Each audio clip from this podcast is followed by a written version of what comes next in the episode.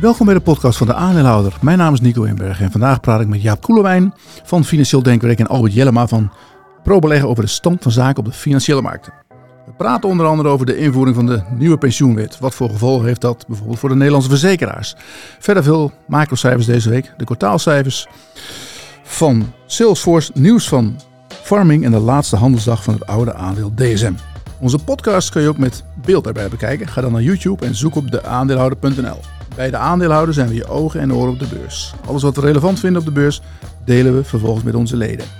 Voor 177 euro per jaar ben je lid van onze club en zorgen wij dat je goed beslagen ten ijs komt op de beurs. Veel kijk- en luisterplezier.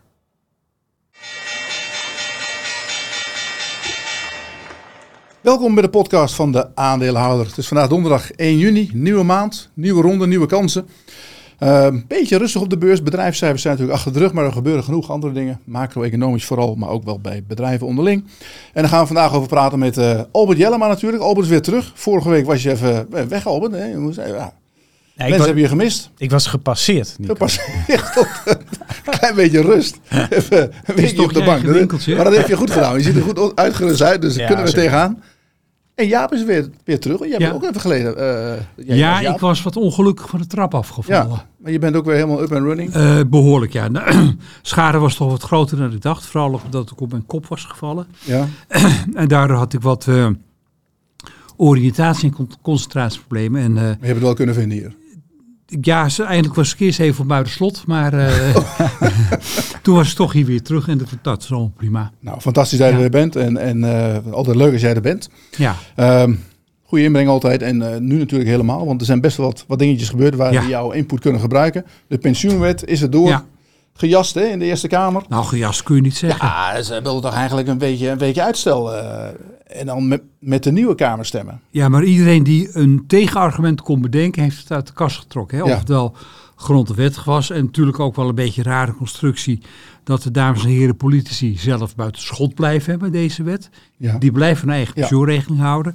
Waarom is dat eigenlijk? Is dat iets Om, omdat ja, ze- omdat als je dat zou willen wijzigen, dan zou je ook eh tweederde meerderheid nodig hebben. Oké. Want het is een grondwettelijk vastgerecht recht wat ze hebben. Recht wat ze hebben. Ehm, ja, daar zijn ze maar niet aan begonnen. Dus daar blijven de oude, de ambtenaren en of in ieder geval de, de politici, die blijven in de regeling die ze hadden. Ja. Oké. Waar ze overigens niet spectaculair veel rijker voor worden, maar het is natuurlijk over heerlijk voer voor de populisten onder ons. Ja, dat is ook zo. Nou, we gaan het eh, daar zo uitgebreid over hebben. Maar komt er nog meer langs? We hebben het over de. Even kijken naar het banencijfer natuurlijk. Wat eh, vandaag, als dit wordt uitgezonden, vrijdag in Amerika langskomt.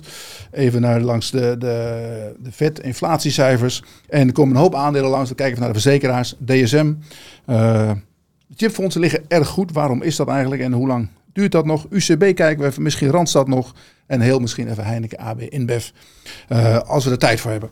Laten we beginnen bij het begin. Albert, eh, ik vergeet heel vaak de verbazing, maar laten we daar eens een keer weer beginnen. Waar heb jij je over verbaasd deze week?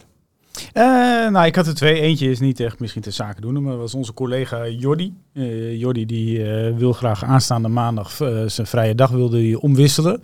Eh, omdat hij op zaterdag een vrijgezellenfeest heeft. Dus ik zeg, nou, dan gaan we niet meer akkoord. Je bent een jongen van 26, 27 en dan moet je dus twee dagen bijkomen van een vrijgezellenfeest. Op zo'n leeftijd, dat kan in mijn ogen niet.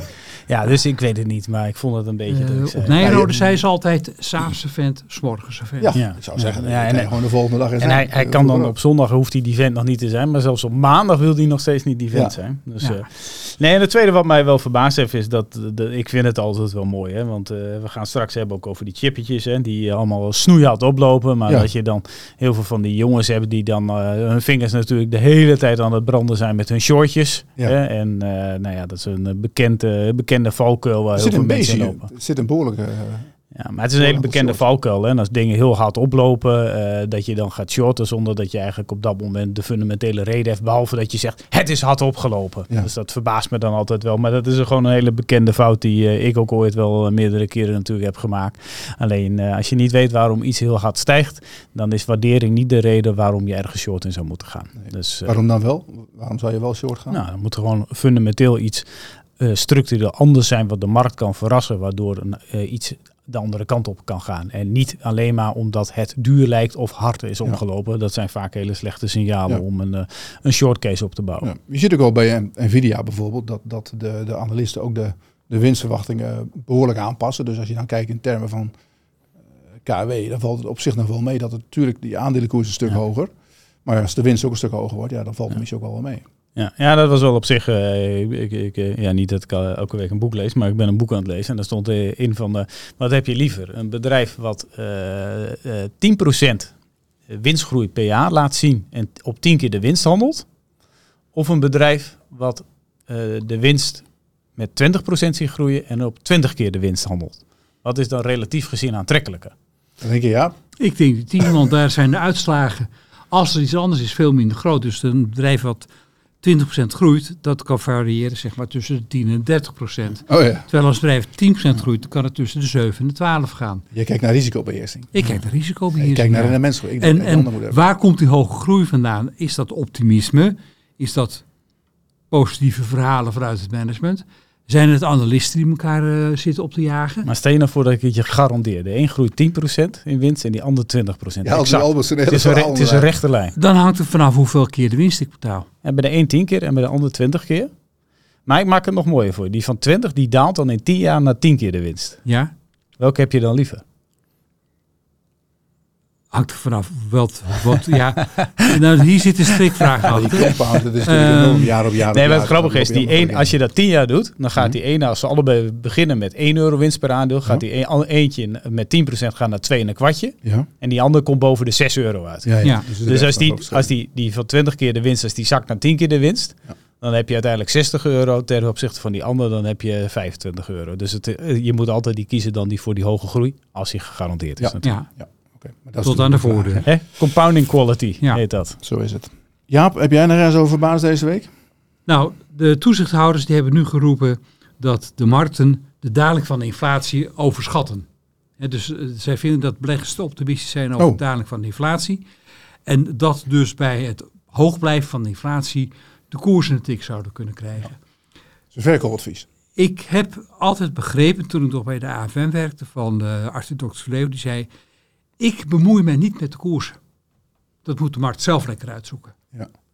En kennelijk vinden Knot en Lagarde zichzelf heel goed, want die hebben dus blijkbaar een waardering van het koersniveau. Waar bemoeien ze zich mee? Je moet gewoon de inflatie bestrijden. Als je vindt dat de inflatie te hoog is, dan ga je die bestrijden. Alleen, ze zijn bang voor systemische effecten. hè. Weer het omvallen van bank, de New Silicon Bank, et cetera. Prachtig. Ehm, maar dan, daarmee geven ze dus eigenlijk toe dat ze in het verleden die rente te lang te laag hebben gehouden. En dat ze dus niet de ballen hebben om het te verhogen. En ze zeggen het ook, ook nooit eens een keer andersom. Dat ze Nee. een keer zeggen van eh, de beurs is, le- is lekker goedkoop. Instapmomentje. Nee. Instappen momentje. Koopje. Zo, eh, Klaas Knot die zegt, ik heb voor mijn, er kinderen bij. wat, ik heb voor mijn kinderen wat bijgekocht. Nee. nee, nee, Nee. dat zou hij wel moeten zeggen. Misschien zit hij Als net, mijn verbazing was dat mensen de short gaan in chippers. eh, hè, omdat ze dan zeggen, ja het is hard opgelopen. Ja. Maar ja, misschien zit Knot ook wel short. dat zou kunnen. Had je dat toen met, met, Ik zou vet zo, een aantal mensen mochten niet meer handelen. Die hebben toen al hun posities verkocht. En daarna ging de beurs omlaag. Dat was een paar jaar geleden was dat. Ja, maar als jij het verbod krijgt om te handelen, dan verkoop je posities. Dat zou ik ook wel doen. En als dan toevallig de koers dalen, ja, Ja. dan heb je het eh, goed gedaan. Nee, er was er eentje bij van de Fed, die was heel actief. Die zat eh ja, weliswaar met ETF's geloof ik, maar die ging er heel vaak erin en eruit. Ja, Nou ja, moet je zo'n functie Dus- willen. De toezichthouder. Want er- zijn deze week allerlei rapporten uitgekomen. Hè? De, de, Ja. eh, over de financiële stabiliteit. Onder andere van de ECB, DNB, AFM. Die waarschuwde ook nog. Kwam ook met een rapport over de markten. Maar goed, dat, je laat hem even voor wat het is. Nou, één opmerking.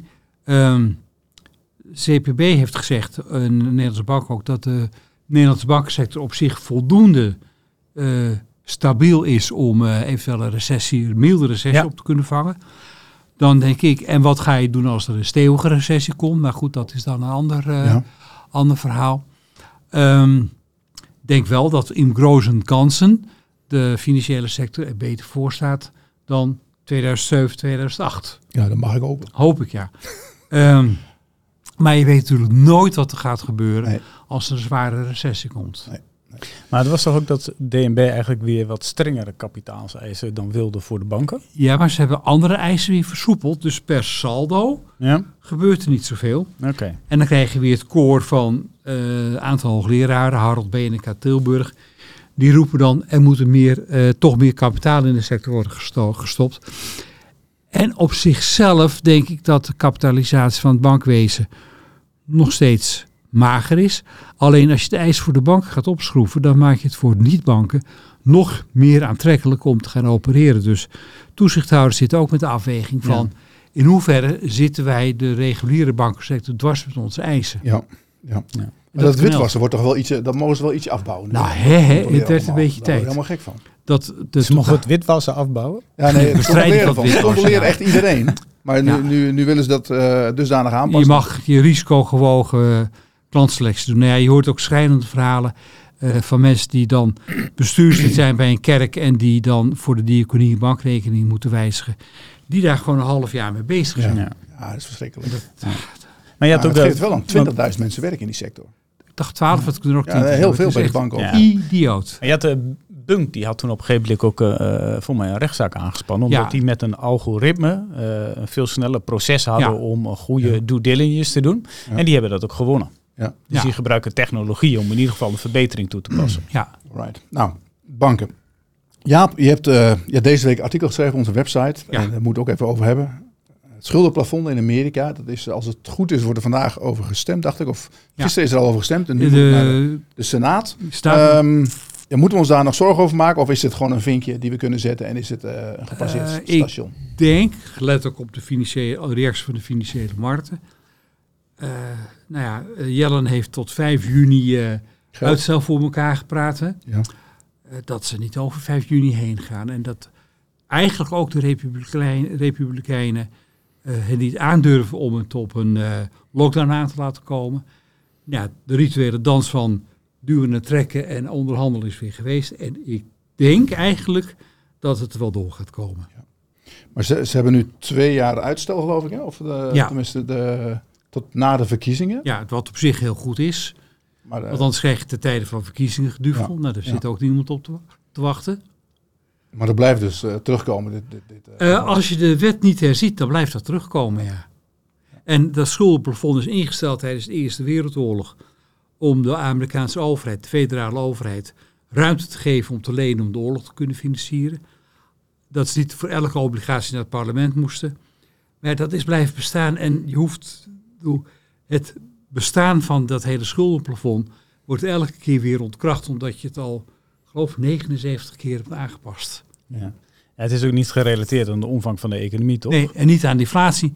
Het is een absoluut bedrag. Dus als de economie groeit, dan groei je automatisch uit je schuldenplafond. Ja. ja. Blijft Vandaar altijd dat het terugkomen. iedere Ja. keer moeten aanpassen. Nou ja, Ja. We gaan ervan uit dat het allemaal goed komt. Want de Senaat, daar, daar is in ieder geval een meerderheid voor het eh, aanpassen, geloof ik. Dus dat wordt een, eh, als het goed is, een, eh, wordt Ja. daar een vinkje gezet en dan zijn ze klaar.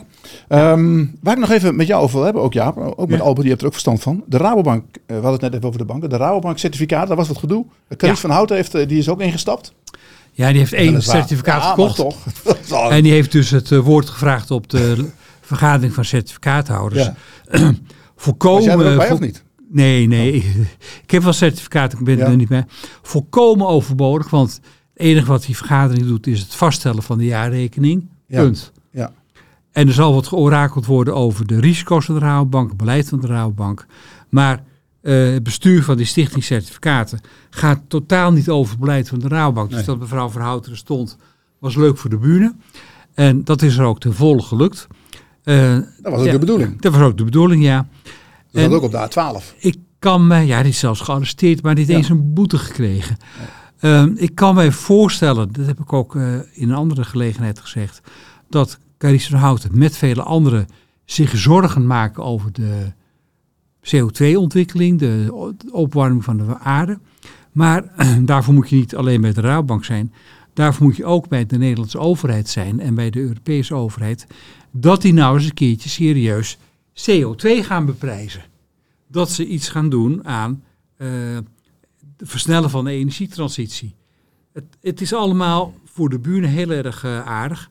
Ondertussen blijven ook alle jonge mensen, wat, wat, wat, wat, dit, dat is dus maar zo, blijven vrolijk doorvliegen en eh, eh, een, een, een luxe leven leiden. Dus Ja. je ziet dat bijvoorbeeld ook dingen als vleesconsumptie, reizen en dergelijke niet teruglopen, omdat het allemaal nog steeds zo goedkoop is. Ja, maar we groeien natuurlijk ook als maatschappij. Er komen steeds Ja. meer mensen bij.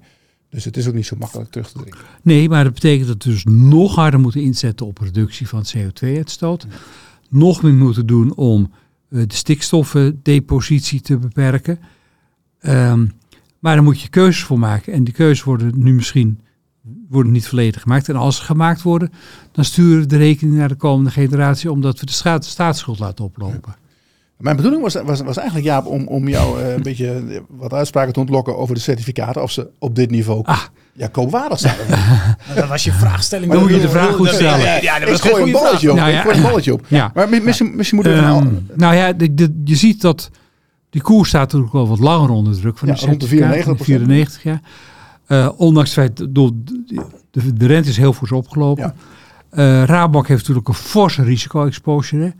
En op de huizenmarkt en op de grijze sector. Ja. Met name MKB ook. Hè? En met name MKB. En um, blijkbaar uh, zien beleggers um, dat nog steeds redelijk optimistisch in. Ja. ja je ziet faillissementen natuurlijk nog steeds laag zijn voor het MKB. Huizenmarkt pruttelt, maar gaat niet heel hard onderuit. Uh, ja, in de agrarische sector zal de transitie moeten komen. Maar dat gaat de overheid lekker betalen. Ja. Ja, alle tamtam van de Rabobank moet die leningen aan de arme boeren kwijtschelden. Daarvan hebben ze terecht gezegd dat ze dat willen, omdat als de, de Rabobank gewoon het toegestane overheidsbeleid uitvoert, dan moet je natuurlijk niet zeggen laten van dat had je niet mogen doen en nou moet je, nou moet je die, die leningen terug nee. uh, kwijtschelden. Nee. Maar Albert, we, we, hebben die, die certificaten in ons elftal staan. Hè? Trouwens, voor mensen, we, we komen uh, binnenkort met een update weer van het elftal. Dat wordt 5 juli, juli. Uh, doen we een live webinar met uh, ons beleggingselftal. Er komen weer een aantal wissels. Tenminste, dat doen we elke keer. Ik vermoed ook dat we nu wel wat wissels in de pet hebben. Ja, moet niet wisselen om het wisselen. Nee, maar toch, je moet wel. dat is een punt. Never change a winning team. Maar ik weet niet of op dit moment een winning team is. Nou, er zitten wel een paar goede dingen. We hebben twee chipjes. Ja, die doen het goed. Die doen het goed. Ja. Oh, Martin Cole weer. Ja, nee, dat zijn mijn ouders. die, die bellen, die druk even weg. Bel ik later terug. Um, maar um, de certificaten staan in de goal. Ja. En uh, die laten we staan, toch? Want, uh, nou, kijk jij tegen die certificaten aan? Want de, de banken liggen er ook niet zo goed bij nou, de eerste stijging. Er zijn er eigenlijk twee elementen bij de, de, bij, in mijn ogen dan bij de Rabobank certificaten. Dat is allereerst, het is echt een uh, retailbelegging. Hè? Dus er zitten heel veel uh, retailbeleggingen in. En het heeft een hele hoge mate bij beleggers van uh, in ieder geval de, de de vorm van veiligheid. Hè, Rabobank is veilig. Ja. Hè, we zijn alweer vergeten wat er een paar jaar geleden natuurlijk. Hè, toen uh, mochten geen dividenden, maar mochten zij ook geen. Ja, corona, uh, mochten zij ook geen vergoeding betalen. Um, en ja, alleen het is het achtergestelde papier van diep de Rabobank. Achtergesteld. Diep achtergesteld.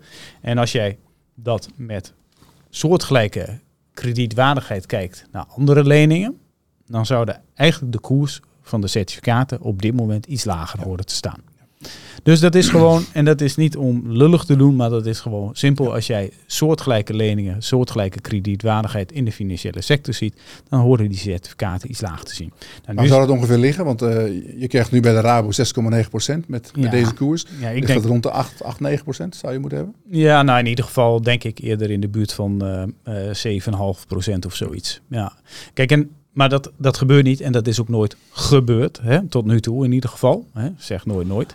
Uh, maar dat komt gewoon omdat uh, ja, het, is, uh, het wordt gezien als heel veilig. En ze weten dat de reputatie van de Rabobank een enorme knauw zou krijgen als er iets zou veranderen of er zou uitstel zijn. Er is nu ook helemaal geen aanleiding toe om dat te denken. En ja, aangezien je op je uh, spaarrekening heel weinig krijgt. Uh, ja, dit wordt natuurlijk wel gezien als belegging. Dus je moet eigenlijk in Nederland, als je particulier belegt in deze certificaten, nog 2% ongeveer aftrekken van die 7 of 6,5, 7% ja. wat je krijgt. Um, en dan is het een, een, een, een interessante belegging. Uh, alleen ja, je moet altijd in je, in je oogschouw nemen dat het handelt eigenlijk altijd een beetje op een premie. Maar dat zal ook wel zo blijven. Het is dus ook wel heel liquide, hè? dat is ook een voordeel. Je kunt ja. uh, heel makkelijk erin en eruit. Ja. En anders kom je toch in wat meer obscuur papier terecht van andere banken. Mm, ja. En als ik het aandeel van Landschot koop, dan krijg ik 7,5% dividend ja. in rendement. Maar dan heb ik een aandeel. Ja, ja. ja. ja. Nee, dus, banken. Ik moet zeggen, de Rabobank heeft wel, ze hebben inderdaad die betalingen overgeslagen, maar die hebben ze later wel weer ingehaald. Terug eh, ingehaald, ja. Nee, maar kijk, in, Dat is in, in, voor de mensen die erin zaten, want in, eh, in mijn ogen in een, eh, in een, wat, eh, eh, in een wat gediversifieerde portefeuille eh, of een inkomensgeoriënteerde portefeuille Ja. is in mijn ogen absoluut ruimte voor deze certificaten. maar niet zo- zoals die wielrenner die al zijn geld erin had. Die Gert-Jan Teunissen, die had al zijn geld erin gestoken, omdat die, ja, die, Ja. die had uitgerekend, ik heb ongeveer zoveel geld nodig. Om te leven. En hij had, ik weet niet hoeveel miljoen hij had, maar hij had volgens mij 4, 5 miljoen of 6. Ja. En had hij allemaal in die certificaten gegooid. Dan dacht Ja. hij, dan kom ik precies uit. Ja, dom. Alleen toen betaalden ze niet uit in, in eh, wat was dat, in eh, Corona. de eerste coronamaand. Ja, 2021. Ja. kwam hij in de penale 20. te zitten. Ja. Ja. Goed, uiteindelijk heeft hij wel zijn geld Ja. gehad als hij blijven zitten. Nou, dat is de Rabobank. Ehm, de pensioenwet, Jaap, laten we daar even heen gaan. Ja. Die is deze week goedgekeurd. We krijgen een nieuw pensioen. Nou, eh, misschien even goed om even uit te leggen dat het gaat niet om het AOW. En ook niet om het potje wat je zelf Nee, het opbouwt, gaat maar om de tweede pijler. de tweede pijler die je met je werkgever opbouwt. Ja. Ehm, kan jij kort uitleggen wat daar precies eh, verandert? En of het, eh, want ah, ja, stel je had daar gezeten in de Eerste Kamer, had je voorgestemd of tegen? Ik had wel Je voorgesteld. had voorgestemd. Ja. Dus je staat wel achter het plan. In de oude situatie was het zo, dan ehm, was de gedachte van je hebt een toezegging van je werkgever, een defined benefit. En dat betekent dat, eh, dat gold voor de generatie van mijn ouders, die gingen op hun eh, twintigste werken en die kregen te horen van als jij 65 bent, dan krijg jij als pensioen 70% van je laatst verdiende salaris. In het geval van Weilen, mijn vader, was dat zelfs nog waardevast. En ehm, hij kreeg de backservice helemaal mee betaald. Dus eh, Oké. hij maakte promotie en dan kreeg hij over zijn promotie ook weer pensioen uitbetaald. Oké. Dus je was eigenlijk gegarandeerd wat je ging ontvangen. Dat wist je. Ja. En ehm, in, de, in, de, werk, in de eh, tijd dat de rente nog 7, 8 procent was, ja, kon je dat makkelijk bij elkaar verdienen natuurlijk. Nou, er zijn een aantal grote veranderingen geweest in onze economie. Er komen steeds meer ouderen en steeds meer jongeren. En de jongeren die betalen sterk mee aan de opbouw van de ouderen, want die betalen een doorsneepremie. Verder is het zo dat door de extreem lage rente het heel moeilijk wordt om beleggingsrendement te halen. Eh, dus wat je hebt, heb je gezien de afgelopen jaren, afgelopen 10, 12 jaar, is pensioen niet meer geïndexeerd. Nee. Dat betekent dus dat je feitelijk 30% van je pensioen hebt ingeleverd. Mhm. Je had ook kunnen zeggen, ehm, wij, wij hadden in uh, 3, 2004, toen het altijd geduvel begon, hadden we kunnen zeggen, wij laten onze harde toezegging los, mhm. we stempelen af, maar we blijven wel in onze beleggingsmix met veel aandelen zitten.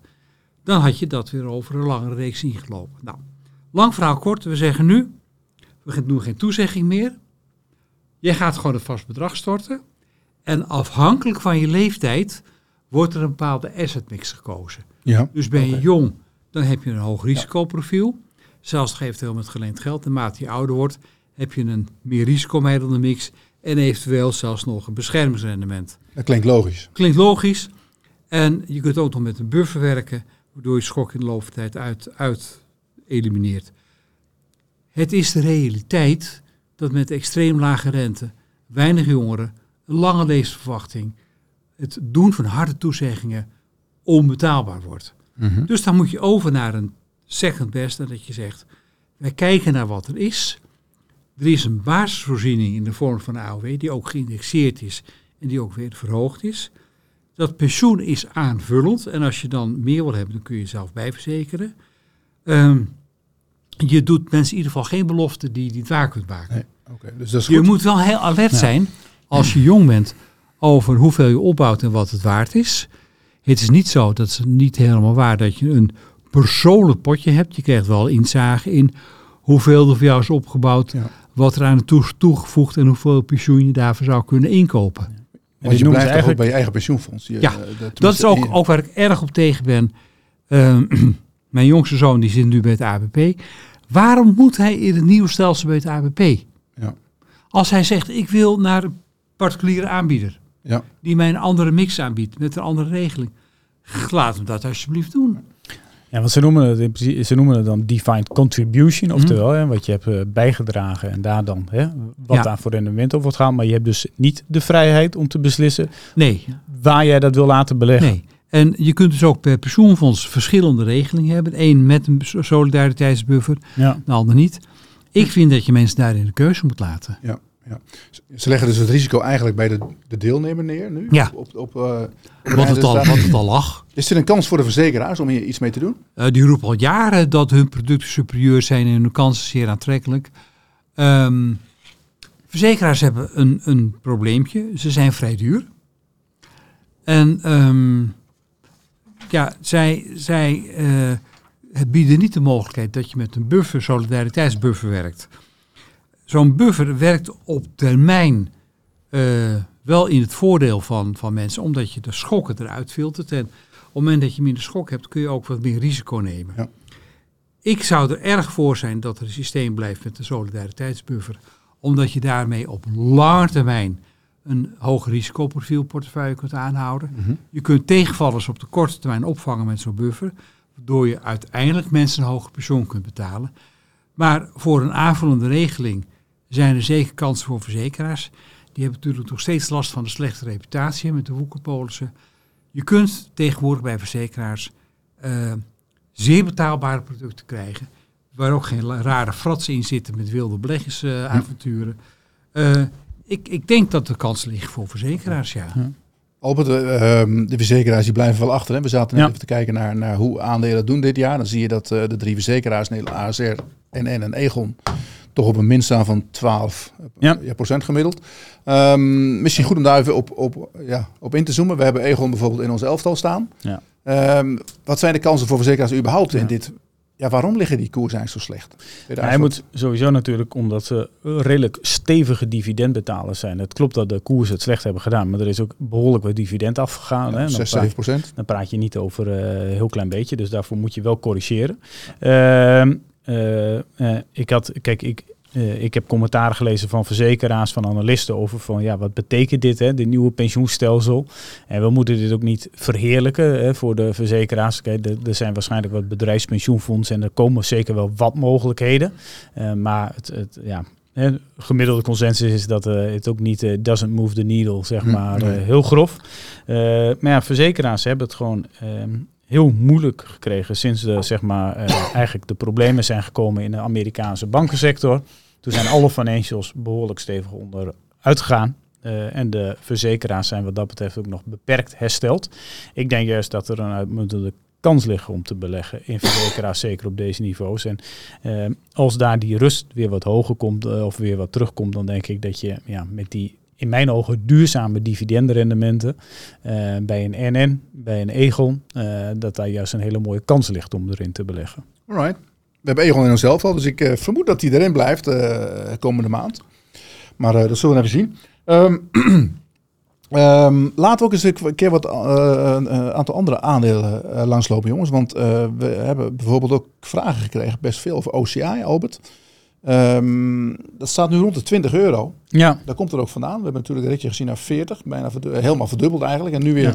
weer terug. Is het tijd om daar al in te stappen? En misschien moeten we ook even kijken naar de gasprijs. Die eh, ligt eigenlijk Ja. behoorlijk onder druk.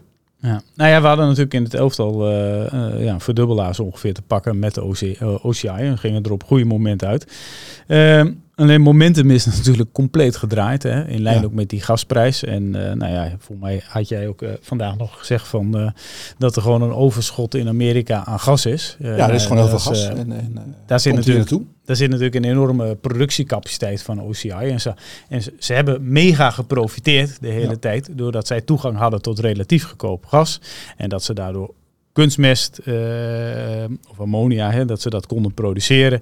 En omdat het hier een stuk duurder was, konden ze excessieve winsten halen. Eh, en alleen je ziet nu wel dat als je het afgelopen kwartaal dat het redelijk snel teruggaat naar normaal. En normaal was 1 tot 1,5 miljard. Ja. Alleen we hebben een piekwinst gezien van wat was het, bijna 4 miljard. 4 miljard, ja. Dus ja, kijk, nu gaat het terug naar normaal. Eh, en eh, management zelf probeert natuurlijk ook met eh, allerhande kunstgrepen nu natuurlijk te zeggen, ja, we zijn aan het kijken naar dat we de boel kunnen ontvlechten. Maar het simpele feit nu is, is dat, dat, dat, dat het speelveld is door die eh, implosie van die gasprijzen weer compleet anders te komen te liggen. En dat is, vind ik op dit moment nog moeilijk te overzien over hoe groot die impact gaat zijn voor OCI. Wat denk Ja. je zelf? Nou, eh, laten we eerst Jabers even vragen. want, Nou, over de gasprijs, Oh, oh. hoe zie je dat ontwikkelen? Ik vind het lastig, want het verbaast mij wel dat de gasprijs zo hard is gedaald. En Ja. blijkbaar is dus de industrie flexibel genoeg om de productie op te kunnen voeren. En, en het heeft me ook eh, heel frappant dat eh, er was nog geen energiecrisis of er stond in de Eemshaven al een eh, nieuwe gasterminal. Hè? Dat, Ja, ja dat ding van Exmar, die was er heel snel die was heel eigenlijk. En, snel.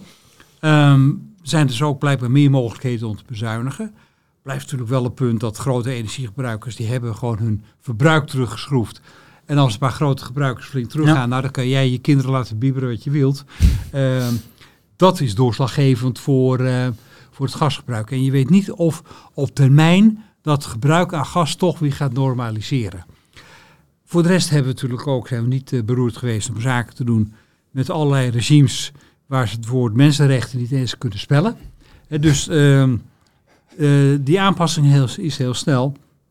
Eh, en, en het zou mij dus niet verbazen als die gasprijs voor een langere periode op dit lage niveau staat. Ja, dan is het spelletje van OCI wel een beetje afgelopen. Ja, nou ja, goed. De, bedoel, kunstmest blijft er wel verkocht worden, want we moeten allemaal eten en drinken. Ja, het is wel- ook in, het is gewoon in ammonia met waterstof. Ja. Alleen Ja. die, die excessieve winsten, die zijn, zijn Ja, compleet weg. En het is wel een commodity eh, waterstof hè, of eh, kunstmest. Dus uiteindelijk natuurlijk. kan iedereen het maken. Wat, wat je natuurlijk wel ziet, en dat maakt het wel heel spannende tijden, dat je nu midden in een gigantische transitie zit. Ja. En dat allerlei industrieën waarvan we dachten, nou ja, dat is, gaat jarenlang nog goed, eh, zie je van het ene op het andere moment zie je draaien. Ja. En, en bijvoorbeeld opslagbedrijven, nou, die zaten nog niet zo lang geleden tot over de piek van de capaciteit. Dat gaat nu wat meer normaliseren. En je ziet dus dat prijzen weer terugzakken naar normale niveaus. Ja, en waar ik me zo over verbaas in deze wereld, je kunt een excellent gasbedrijf zijn, excellent eh, eh, eh, autobouwer, maar door het maken van luxe tasjes, luchtjes en cognac kun je op lange termijn veel meer geld verdienen Ja. dan door... Ja, eh, dat is wat de mensen willen. ja, dat is wat de mensen willen. En waar ze dus een premie voor Ja, betalen. daar betalen ze extra geld voor, dat is waar. Nou ja, goed, we, we, over twee weken krijgen we een specialistenbezoek. Jillis van den Beukel komt weer langs. En eh, die weet alles van die energiemarkt. Maar je ziet gewoon dat in Amerika is er heel veel aanbod van gas. Ja. Dat moet natuurlijk, eh, ja, op een gegeven moment is er, is er te veel. Ja. En dan je komt er dan om... om Die eh, capaciteit staat dus je moet er vanaf. Ja, dan komt het om opslagcapaciteit aan en verwerkingscapaciteit. En dan moet het naar, alles gaat heel naar Europa toe. En er komt ook heel veel zonne- en windenergie bij. Ja. Ik, hoorde vandaag op de radio dat er dit jaar aan zonne- en windenergie bij komt. eh, Te grootte van, van wat Spanje en Portugal gebruiken in een jaar. Er Ja. komt echt heel veel bij. Met name China voor de helft. Maar ook hier in Europa. En, En en, eh, dat maakt ook dus dat, dat zo- zon- en windenergie heel veel goedkoper wordt. Ja. Eh, waardoor op de lange termijn mogelijkheden bedrijfstakken zullen gaan verdwijnen. Ja. Nou, dat noemen we de stranded assets van Shell. ja, je ziet nu ook met steenkool. Hè? Want dat, dat, hoe heet dat bedrijf? eh, Peabody. Ja, Peabody is ook niet omhoog te krijgen. Terwijl die willen juist heel veel eigen aandelen gaan inkopen. Hij is omlaag te bekken. Hij is Ja, helemaal gaat omlaag omlaag. En eh, er, er is nu echt een steenkolenoverschot in Europa. Die kunnen het niet kwijt. Wij Ja. gaan het exporteren naar, naar Marokko, geloof ik, en Nigeria. We gaat overal heen. Ja. Dus eh, daar zit die, die, het is een heel rare markt. Maar goed, we zullen het daar met Jillis uitgebreid over hebben. Eind juni komt hij hier. En dan maken we daar een speciale podcast van, alleen voor onze leden. Ehm, meer aandelen, DSM. DSM, het, het, het aandeel DSM is vertrokken, is weg van de, de, het oude aandeel, moet ik zeggen, DSM. Is, eh, heeft zo langste tijd gehad. De laatste handelsdag was deze week, woensdag. En eh, nu is het DSM Firmenich. DSM is natuurlijk ja, gefuseerd met een Zwitsers bedrijf. Nee, overgenomen. Nou, overgenomen. Dat- Ja, nee, DSM heeft die Zwitsers overgenomen. nee, Of die andersom. Zwitsers DSM. Die Zwitsers DSM. Maar het gaat niet goed met het aandeel, Albert. En wij, hebben natuurlijk, wij, wij zien vaak dingen aankomen, dit ook weer. Hè? Dus, De grote goeroes, ja, goed zo. Ga door, maar. ah, van deze hebben we wel gezegd van, dit is misschien niet zo'n hele slimme overname. Ehm, hoe is de stand van zaken nu? Nou, ik heb misschien even, eh, even eh, terugspoelen een stukje. Dat is dat er waren gewoon eh, heel veel rode vlaggen bij dit verhaal. Ja. En dat hebben we uitgebreid omschreven en dat hebben we ook uitgebreid becommentarieerd. Hè, want ja, uiteindelijk eh, er zit meer stemrecht op eh, voor de familie Viermenich in het eh, vat. Nou, nu is nog die, die co-CEO, die Zwitserse, die dame. Oh, die is vertrokken? Die is gelijk vertrokken. Ja, die was weer thuis natuurlijk. Dus, Ja, die was weer thuis en Ja, die is gelijk weer vertrokken. Dan die excessieve bonings voor die management van eh Firmenich Manager, de top 100. Nou, die schuift allemaal, wat was Ja. het, 7 ton of zo naar binnen, dus die hebben zichzelf lekker verrijkt met de overname. Dus dat was eigenlijk gewoon één grote shitzooi voor de belegger. Waarbij ook nog kwam dat eh, DSM niet eens goed eh, due diligence kon doen op de cijfers. Want ze wilden geen toegang geven tot bepaalde data. Ja. toen moest Eh, de rechter nog komen. En uh, toen kwam er nog in één keer dat ze dus een multiple hebben betaald op de vermoedelijke winst die Firmenich zou maken. Ja. Alleen die zijn, er kwam een kartelonderzoek en dat is ook gewoon onder het, uh, onder het tapijt geschoven. Dus misschien maakten ze wel helemaal geen 20% marge. Misschien is een normale marge 15%, maar je hebt wel je multiple uh, gebaseerd op die 20%. Dus eigenlijk gewoon, ja, wij, zoals wij zeiden, joh, blij, er zijn genoeg aandelen in de wereld. Uh, hè? We kijken ja. een deurtje verder. Ja. Nou ja, nu staat hij op 102. deurtje verder. Nu staat hij op 102. Uh, maar het lijkt, omdat de vitamineprijzen, het zit dus bedrijfstechnisch nu ook nog tegen, want de vitamineprijzen zijn in elkaar gestort. Dus, en dan lijkt het, ondanks dat alle analisten er heel enthousiast over zijn en dat 150 euro zijn.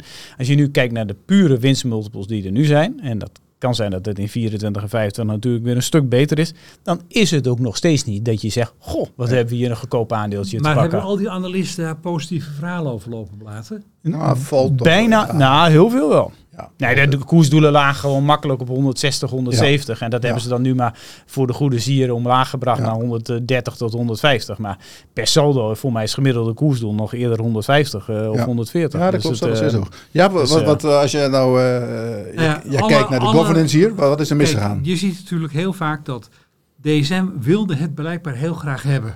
Ja. ja. En als je in overnamewereld iets graag wil, moet je betalen. Dan moet je betalen en dan weet je ook dat je een grote kans hebt, om het in goed Nederlands te zeggen, dat je een ooragenaard krijgt. Dan zeg ik het nog netjes. Precies, die hebben een ooragenaar. En, en als jij geen due diligence mag doen, ja, hoe dom kun je zijn? en ga eens rondpraten. Ik bedoel, ehm, had je niet kunnen vermoeden dat er kartelvorming was? Uh, heb jij gewoon gekeken naar de risico's van de vitaminemarkt? Blijkbaar is het onvoldoende gedaan. Het management zet door onder de bezielende leiding van uh, Edith Schippers. en dan denk ik, ja, dat had je dus niet moeten willen. Meestal zeg je kijken, kijken, niet kopen. Maar hier was het andersom. Ja.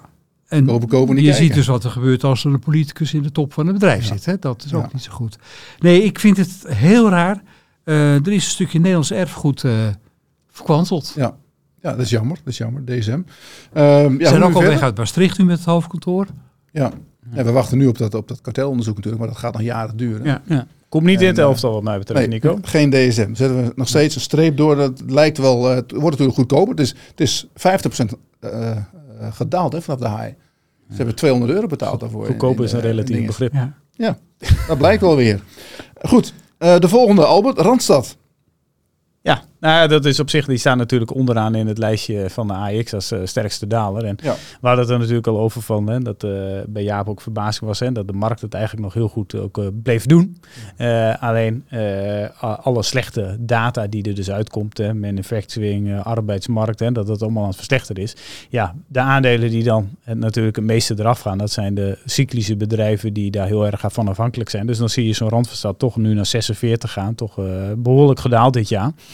Uh, dus ik vind dat er, is een enorm verschil in de markt nu uh, tussen wat wel gekocht wordt en niet gekocht. Want ja, presteert de markt nu zo extreem goed? Nee. Als jij uh, kijkt naar de Nederlandse midcap index, die staat gewoon op verlies dit jaar. Ja. Als je kijkt naar de AX, dan staat er een hele mooie plus. Maar als je nou geen ASMI, ASML en BC zou hebben in die index, wat blijft er dan over? Want die, want die, nee, maar, ja. maar die, die, die, die, die, dus die, zijn natuurlijk extreem gestegen. Die, ASMI en BSI 70% of zoiets en ASML 30, 40%. Ja. dat zijn qua weging, als je dat voor corrigeert, dan het gemiddelde van de markt heeft het heel niet, helemaal niet goed gedaan. Het is echt specifiek in, in Nederland dan, hè, is het op de semis. Maar als je naar Amerika kijkt, de S&P 500, als je die gelijk gewogen zou pakken, staat die in de min. Ja, zeven aandelen die, die, eh, die maken die hele stijging. Ja, dus Randstad is gewoon heel cyclisch en, uh, en heeft het uitmuntend gedaan hè, vanwege alle tekorten en permanent placement fees. Nou, de permanent placement, dat, dat is nu wel aan het afnemen. maar je ziet wel dat daar dus de beleggers fundamenteel gezien dan wel afscheid ja. van hebben genomen in ieder geval. Omdat de cyclus gewoon aan het ja. tegenzit is. Waar ligt dan het punt waar je zou zeggen van nou, dan, dan moet je zo'n aandeel hebben? Want we, we, zien dat die arbeidsmarkt is nog steeds goed. We krijgen vandaag uh, later op de dag het arbeidscijfer. Ja, bij mij is dat altijd, uh, daar heb ik een hele simpele voor. Ik kijk altijd bij uh, hele cyclische bedrijven met uitzenders. Hadden wij altijd bij Core Capital ook de, de, de basisuitgangspunt. Als het op 0,3 keer EV to sales handelt, dan wordt het koopwaardig. 0,3, ik schrijf hem op. EV to sales. EV to sales, oké. Okay. Zijn we nog niet bij Randstad? Voor mij nog niet. Ik zeg bij Randstad altijd 40-60. Of 40 verkoop op 60 40. eruit. Ja, ja. Dat is veel simpeler. ja, Daar nee. zijn we bijna. Ja, nee. Ik denk iets meer na. Nee, geintje. Iets langer. Ehm, Albert eh, en Jaap ook natuurlijk. Voor, voor eh, nog een aantal andere aandelen. E- Eerst even Heineken en AB InBev gaan we even over hebben. En ehm chipfonds, Bezi en Asmi. We hadden het net over. Hè? Bezi is dit jaar 80% hoger. Asmi eh 71%. Ja. Eh, terwijl die kwartaalcijfers waren gewoon niet goed, eerlijk gezegd. Ja. Eh, de book-to-bill zat, zat onder de 1. Ja. Ehm, order intake, die viel Ja. tegen. Maar toch zijn mensen er gek op en ze kopen alles wat los en vast zit. Ja. Ehm, hebben we iets gemist met het hele AI gebeuren? Of, of is het... Eh, Ik denk dat de beleggers weer in hun gebruikelijke, zich herhalende valkuil stappen. Namelijk deze nieuwe ontwikkelingen en iedereen wil daarbij zijn, hè, de fear of missing out. Mhm. Ja, dan gaat men dit soort bedrijven kopen. Ja. Ja. Boom. Ja. Maar dat was dit keer ook wel natuurlijk. Hè. Als jij, kijk, en je kunt, eh, we praten niet over waardering, maar als je Nvidia over hoeveel beter die verwachtingen zijn voor het, eh, wat is het, voor hun tweede kwartaal, dan dat de gemiddelde verwachting was. Eh, dat TSMC daardoor moet opschalen, dat daardoor de ASMI's en de ASML'en eh, in verwachting in de tweede helft van dit jaar toch ook wel een doorstroom zullen zien van orders. Kijk, dat is gewoon wel een feit. En dat is gewoon doordat de Nvidia, die heeft het gewoon keihard gezegd. Dit is wat we verwachten, omzet. Dus je kunt het noemen aan een hype. En daar ben ik, aan de ene kant ben ik het ermee eens dat het natuurlijk, eh, een jaar geleden hadden we het er niet over. Ja. En het is een boom. Eh, dus dat helemaal mee eens. Hè. Maar bijvoorbeeld, ja, iedereen praat ook alleen maar over AI. Gisteren had je Salesforce. En die zeiden le- letterlijk, om waarschijnlijk een aandeel te stutten. Mhm. eh, we are in a ne- new tech supercycle driven by AI. ja, ja. Hè? Ja. Oftewel, kijk, iedereen die gooit ook olie op het vuurtje. Ze gebruiken het Eh, ook echt allemaal. Hè? ja, Als je maar- kijkt naar Nvidia, met, met, met Eh, wie ze samenwerken. Maar, dit, maar je, hè, er was bijvoorbeeld, eh er was Teleperformance, dat callcenterbedrijf, die hadden, hebben een test gedaan. En dat blijkt dat eh, eh, met een callcentrum dat ze hun gemiddelde eh, beltijd stevig verlagen met een klant. Hè, op, eh, door de AI, hè, belboom zeg maar. Ja. En dat ze aan de andere kant de conversieratio hoger is. Oftewel, je ziet ook steeds meer praktische toepassingen. Eh, en dat is wel een groot verschil met dat het een broodje aap is. Je kunt natuurlijk misschien wel efficiënter gaan werken. Je kunt eh, hè, programmeurs, alle simpele programmeerklussen. Ja, ik, we praten ook met onze developer, die gooit zijn code erin. En die zegt van, zoek mijn fout op, bij wijze van spreken. Ja, dus het heeft ook veel toepassingen. Dus dat het een enorme groeimarkt zal zijn, dat is duidelijk. Wie ervan gaan profiteren, dat weten we niet, hè, want alles wordt dan gekocht. Ehm, eh, kijk, en dat je dan die chippers hebt die, die het zo goed doen. Eh, ja, dat, dat, dat komt allemaal op basis van het Nvidia. En dat men zegt, nou, in, de- in, in de tweede helft van dit jaar, vierde kwartaal, gaan we dat ook allemaal doorzien.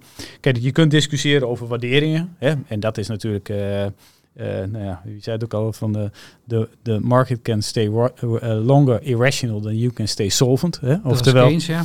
je, het, het kan allemaal veel langer doorgaan. En wat er dan bij hoort van beurskoersen, weet ik niet. Alleen dat dit een niet te stoppen trend, of Ja. trend, ik noem het geen trend, het is er gewoon. En het wordt, moet alleen ja, in business cases en alles nog worden eh, verwerkt. Ze moeten het natuurlijk straks met de komende kwartaalcijfers of halfjaarcijfers moeten ze het wel iets van laten zien. Anders dan Ja. wordt het wel lastig om dit Ja.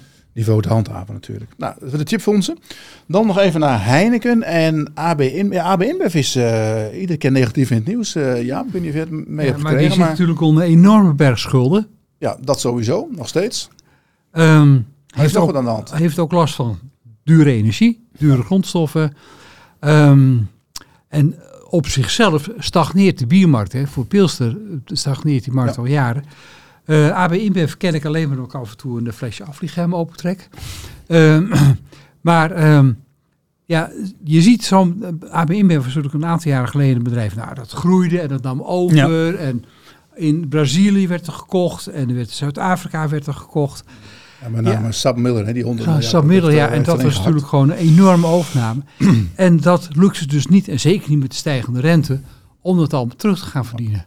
Weet je wat er nu nog aan de hand is? Dus, eh, ze hebben in Amerika hebben ze een marketingcampagne Oh ja, dat is het geopend verhaal natuurlijk van Met een influencer. Met een transgender. En dat is helemaal verkeerd gevallen bij de, ja, bij de rednecks in en ik Amerika. vind Boet niet eens lekker bier, maar eh koop zelfs het in de Je noemt bonus. het Bud bier. Bud, ja. Het is Bud. Bud. Bud, Light, ja. Bud. Bud, ja. Bud Light wordt niet meer verkocht in Amerika. Nee. 25% eh, Ja. Ehm, dan zie je ook verkocht. gewoon wat, wat nou specifiek risico is. Hè? Dat gewoon door Een slecht verhaal. Ze hebben het ook nog niet zo handig gemanaged allemaal. Krijg je enorm het lid op je neus. Ja, en dat raak je dan. En dat is natuurlijk wel kortdurende commotie. Dat ik Ja. verwacht dat het wel weer overtrekt hoor. Ja. Hoe Ja. denken jullie dat het met de carrière is van die reclamebedenker? eh?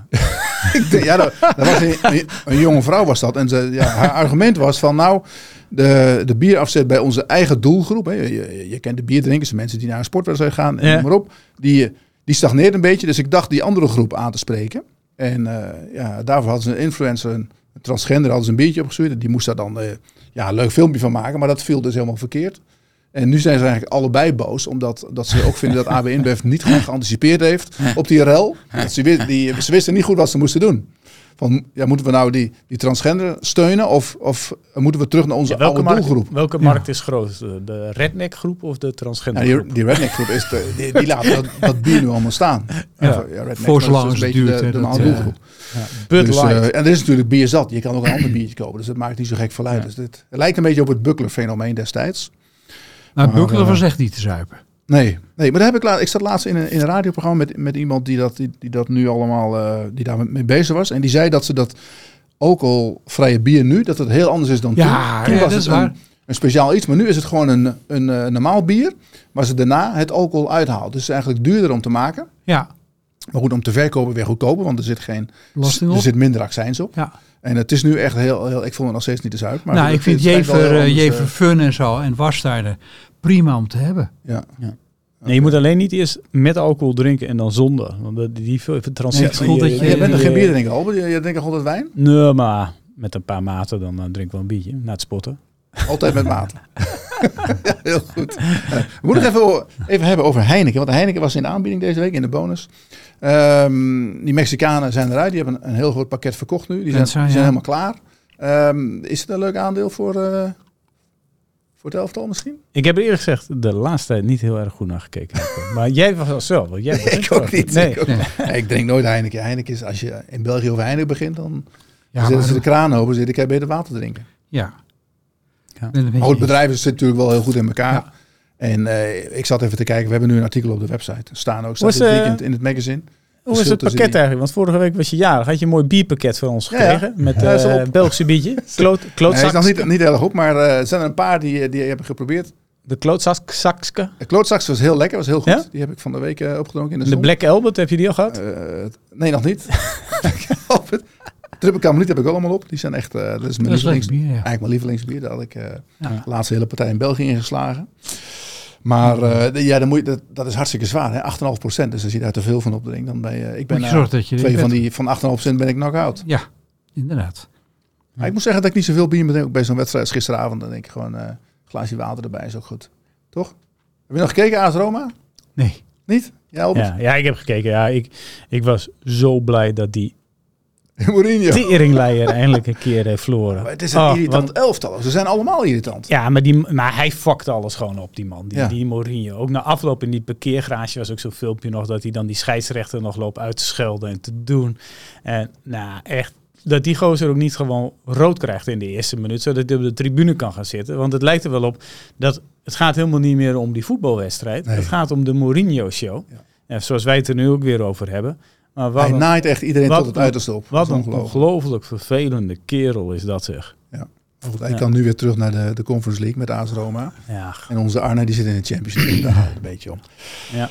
Eh, mannen, we zijn aan het einde van de Ja. show. Nog een laatste stichtelijk woord, Jaap. Voor de Nee. mensen thuis. Nee, ik hoop dat eh, Ajax het beter gaat doen komend jaar. Want Hebben ze al een nieuwe coach? Eh, gaat nee, ontslagen. Hij gaat die, eerst die eruit. ontslagen. Die, eh, En dan willen ze weer een technisch directeur, want dan ook met een Ajax-achtergrond. ja, Ze blijven gewoon doorgaan met hun gerommel. ja. Je Dus, denkt eh, niet dat ze Peter Bos gewoon aannemen? Ik zou het niet weten. Nee. Kijk, ik, ik, ik mag niet te veel Ik zeggen. dacht, ja, maar Feyenoord. Oh, mijn Dus twee zoons die hebben, die hebben mij een foto Ja. gestuurd dat ze in de fontein stonden. Heel goed, heel goed. Albert, wat denk jij van Ajax volgend jaar? Ah joh, kijk, Tweede misschien? eh, er is niet zo eh, simpel als de wereld van voetbal. Kijk, als zij nu twee aankopen doen die in één keer wel blijken te renderen, dan kan het allemaal in één keer weer top zijn. Ja. Eh, het lijkt nu allemaal één grote rotzooi. Nou, het lijkt Alvarez, niet. en, Alvarez en Bassi gaat het niet lukken. Het, het lijkt een, het, het is een, een enorm grote rotzooi. Zo simpel moet je het zeggen. Maar ja, zo'n Hato op linksback voor hetzelfde geld wel dat een mega goede links eh, linker verdediger. Eh, ze kopen Ziyech, eh, komt terug bij wijze van spreken. Of ze halen twee andere spelers die in één keer wel weten te renderen. Je, stelt, eh, je zorgt dat eh Brobby een keer fit is en eh, vanaf begin een keer 90 minuten kan voetballen. En die jast er 30 in in de competitie. En we staan allemaal weer op de banken te juichen. Ja, het eh, kan zo snel En het gaan. gras is groen. En het gras Ja. is groen. 11 tegen 11, de bal is rond. Ja. Kan gebeuren. Eén ding nog, Messi, die gaat weg bij Paris Saint-Germain, Jaap. Die gaat naar Saudi-Arabië. Wat denk je dat hij verdient? Dat hij gaat verdienen daar? Het zat iets van Ko- 300 miljoen euro per jaar. Ja, 360 miljoen. Hij verdient, hij verdient een euro, Een miljoen. 1 miljoen euro per dag. En hij is vijf dagen vrij. Vakantieweekje. eh, het is, eh, niet, hoopt op een het is, verschrikkelijk jaar. het is Ja, niet, 10 miljoen het is meer. niet uitlegbaar. Maar goed, eh, ze betalen het. Van de gekken. Nou, Goed, goed voor hem. Ja, als hij het waard is, is hij het waard, hè, Lauze. Ja. Goed, we zijn aan het einde van de show. Eh heren, bedankt voor de, de bijdrage deze week. Dank Nico. Mensen thuis, ehm, veel van deze onderwerpen die we hier bespreken komen terug in ons eh, online magazine, wat we aanstaande zaterdag sturen naar onze leden. Wil je lid worden van de aandeelhouder? Dan kan dat natuurlijk. Kijk even op de link die hieronder staat. Dan eh, eh, ga je zelf informeren en eh, dan krijg je elke zaterdag ons online beursmagazine en toegang tot alle exclusieve video's en webinars die we maken. Bedankt voor het kijken en tot de volgende week. Jo, tot ziens.